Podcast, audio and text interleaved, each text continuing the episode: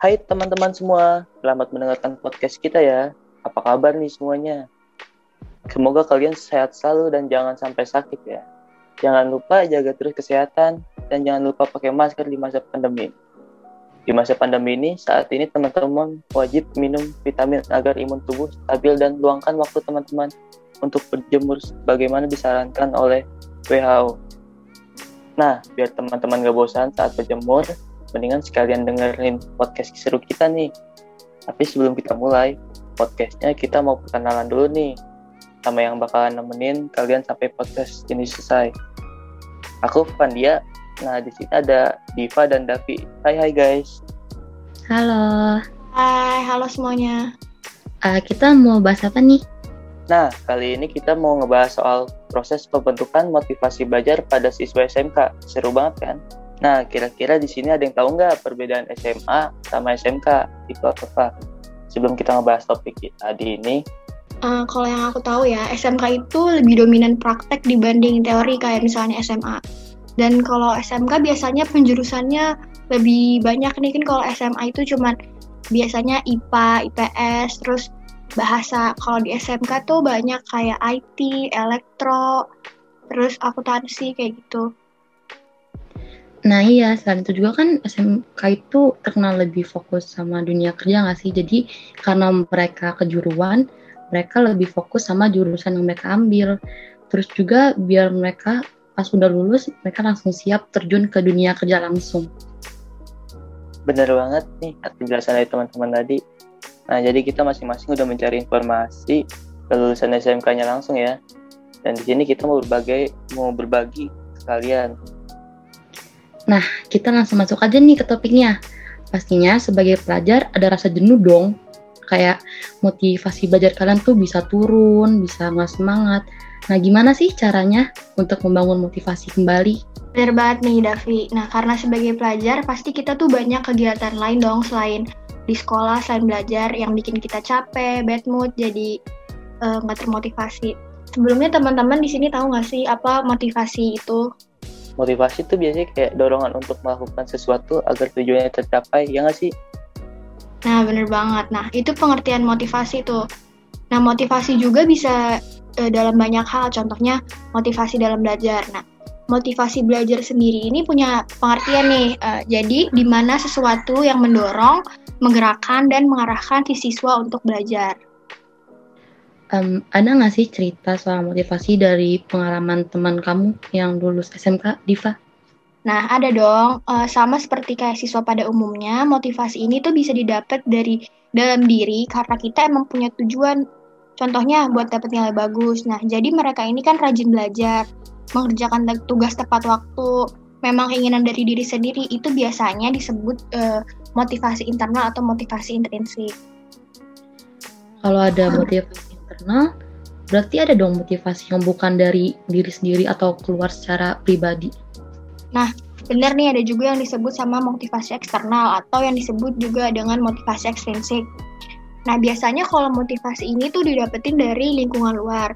Contohnya bisa dari keluarga, dari temen. Nah, jangan lupa guru juga berperan penting uh, di dalam proses uh, motivasi eksternal ini. Jadi ada teori di psikologi pendidikan uh, yang disebut sama perspektif motivasi berdasarkan perilaku. Perspektif perilaku itu maksudnya? Jadi biasanya nih kalau perspektif perilaku itu si guru ini bisa meningkatkan motivasi si siswa berdasarkan punishment atau rewards dari penghargaan atau hukuman. Biasanya diterapin lewat yang namanya insentif. Nah, uh, buat teman-teman yang belum tahu insentif itu, jadi insentif itu rangsangan atau peristiwa yang positif atau negatif yang bisa memotivasi perilaku siswa nih. Guru biasanya uh, menerapkan insentif ini dalam kelas. Contohnya, kayak misalnya kalau kita dapat nilai, itu kan bentuknya uh, dari skor ataupun huruf. Terus kalau misalnya ada siswa berprestasi, biasanya dikasih penghargaan berupa sertifikat ataupun piala. Oh gitu, menarik banget ya. Jadi kita dapat ilmu baru nih soal perspektif motivasi dari sudut pandang psikologi pendidikan. Nah, seperti yang udah dijelasin sebelumnya, motivasi eksternal itu kan bisa didapetin dari lingkungan luar nih, termasuk juga lingkungan kelas dari si siswa SMK tersebut. biasanya suasana kelas juga kan bisa jadi salah satu faktor meningkatkan motivasi siswa. Bener nggak nih? Bener banget, Div. Suasana kelas itu berperan penting banget sama motivasi siswa. Jadi kalau suasana kelasnya mendukung siswa itu, maka akan semakin meningkat motivasi siswa itu sendiri. Dan sebaliknya, kalau misalnya suasana kelasnya bersifat negatif, jadi motivasi belajarnya juga kurang kayak gitu. Menurut Davi, suasana kelas yang mendukung tuh kayak gimana sih? Suasana kelas yang mendukung itu pastinya suasana yang bersifat positif bagi siswa-siswanya. Buat di teori psikologi pendidikan, ada tiga gaya kelas mengajar. Yang pertama itu gaya mengajar otoritatif, yang kedua gaya mengajar otoriter, dan yang terakhir gaya mengajar permisif. Nah, di antara tiga tadi, gaya yang paling menguntungkan itu gaya otoritatif dibandingkan dengan dua gaya lainnya. Apa tuh kok gaya gelas otoritatif bisa lebih mendukung? Karena strategi otoritatif itu mendorong siswa menjadi pribadi yang lebih mandiri.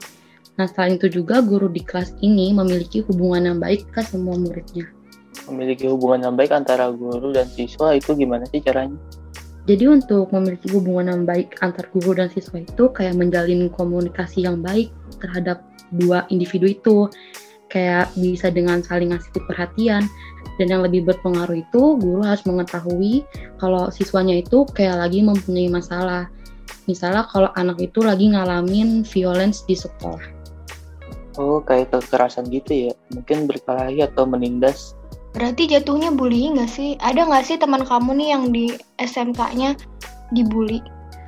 Uh, bener banget Vandia, kalau ada siswa yang kena kekerasan itu, guru harus sigap dan bersifat profesional untuk mengatasi masalah yang dihadapi oleh siswanya. Nah, kebetulan banget di karena sekolahku itu dulu ada SMA sama ada SMK-nya. Dan aku pun sempat jadi OSIS selama dua periode di sekolahku itu. Dan sekolahku itu OSIS SMA dan OSIS SMK-nya digabung. Jadi kita saling berbagi info tentang masalah apa yang terjadi dan akan dievaluasi dengan kesiswaan kalau misalnya emang ada bullying, kita akan membuat project atau event tambahan yang dapat bersifat positif atau bisa menjalin hubungan kembali sehingga bersifat harmonis antar siswa dengan siswa itu sendiri. Oh gitu, menarik ya. Iya dong. Oh iya, siswa SMK kan ada PKL ya. PKL tuh apa deh? PKL tuh pelatihan kerja lapangan gak sih? Iya betul banget sih. Jadi SM, siswa SMK ini mempunyai kegiatan yang bertempat di lingkungan kerja langsung sesuai dengan kejuruannya. Um, jadi mereka mencari pengalaman kerja gitu? Oh iya pastinya betul sekali. Ibaratnya mereka mempersiapkan diri sebelum terjun ke dunia kerja yang sebenarnya. Terus uh, gimana sih problem solving di saat misalnya nih nggak ada motivasi belajar atau di saat PKL biasanya ngapain untuk uh, mengembalikan motivasi itu? Menurut Pandia sih anak SMK sama seperti anak SMA juga membangkitkan motivasi kita tuh biasanya melakukan hal yang kita sukai seperti hobi dan pekerjaan dan pekerjaan lainnya yang membuat kita senang. Yang paling utama sih kayak memikirkan orang tua kita yang udah ngebiayain kita sekolah dan harus tanam sikap kita yang tidak boleh mengecewakan orang tua kita. Oh, jadi emang harus dari kitanya ya yang mengendalikan dan menghargai susah payah orang tua kita. Kalau diinget-inget jadi sedih, sedih juga nggak sih? Ngomong anak SMK di saat magang atau PKL itu ilmu dan pengalaman di waktu sekolah berguna nggak sih? Sangat berguna banget dong. Dari hasil pembelajaran di waktu SMK, setelah itu langsung dipraktikkan dengan cara PKL. Jadi kita itu jadi paham apa yang kita harus lakuin dengan bagian-bagian yang sudah diatur. Nah, jadi dari pengalaman uh, teman aku nih yang di SMK, pengalaman di sekolahnya itu uh, berguna banget buat masuk dunia kerja baik di PKL ataupun misalnya dia udah lulus terus dia magang di tempat lain. Jadi kayak uh, gurunya itu ngajarin kayak sikap gimana yang baik buat interview terus kayak belajar software kayak Excel atau Word yang yang kebanyakan tuh orang-orang kayak nyepelein nggak bisa. Nah, jadinya karena udah diajarin, jadinya mereka tuh lebih lebih paham dan lebih mahir dibandingkan uh, teman-teman yang lain kayak gitu. Wah, seru banget ya kita bahas-bahas dari motivasi belajar, suasana belajar, terus pengalaman yang ada di SMK. Seru banget sih. Iya, bener. Seru banget. Kita juga jadi dapat pengetahuan baru nih tentang uh, dunia di SMK. Iya, padahal kita semua SMA, tapi sayang kita udah ada di ujung acara podcast nih. Ya, sedih banget ya, tapi nggak apa-apa. Kita bisa buat podcast lagi di lain waktu dan bakal bahas hal lain yang tentunya nggak kalah seru dan pastinya bermanfaat buat kalian semua. Iya, bener banget. Dan jangan lupa ya bagi teman-teman semua melakukan 3M, memakai masker, mencuci tangan dengan sabun, dan menjaga jarak saat masa di pandemi seperti ini. Aku Davi pamit. Aku Diva pamit. Dan aku Fandia pamit. Sampai ketemu di podcast. Dadah. Dah. Dah.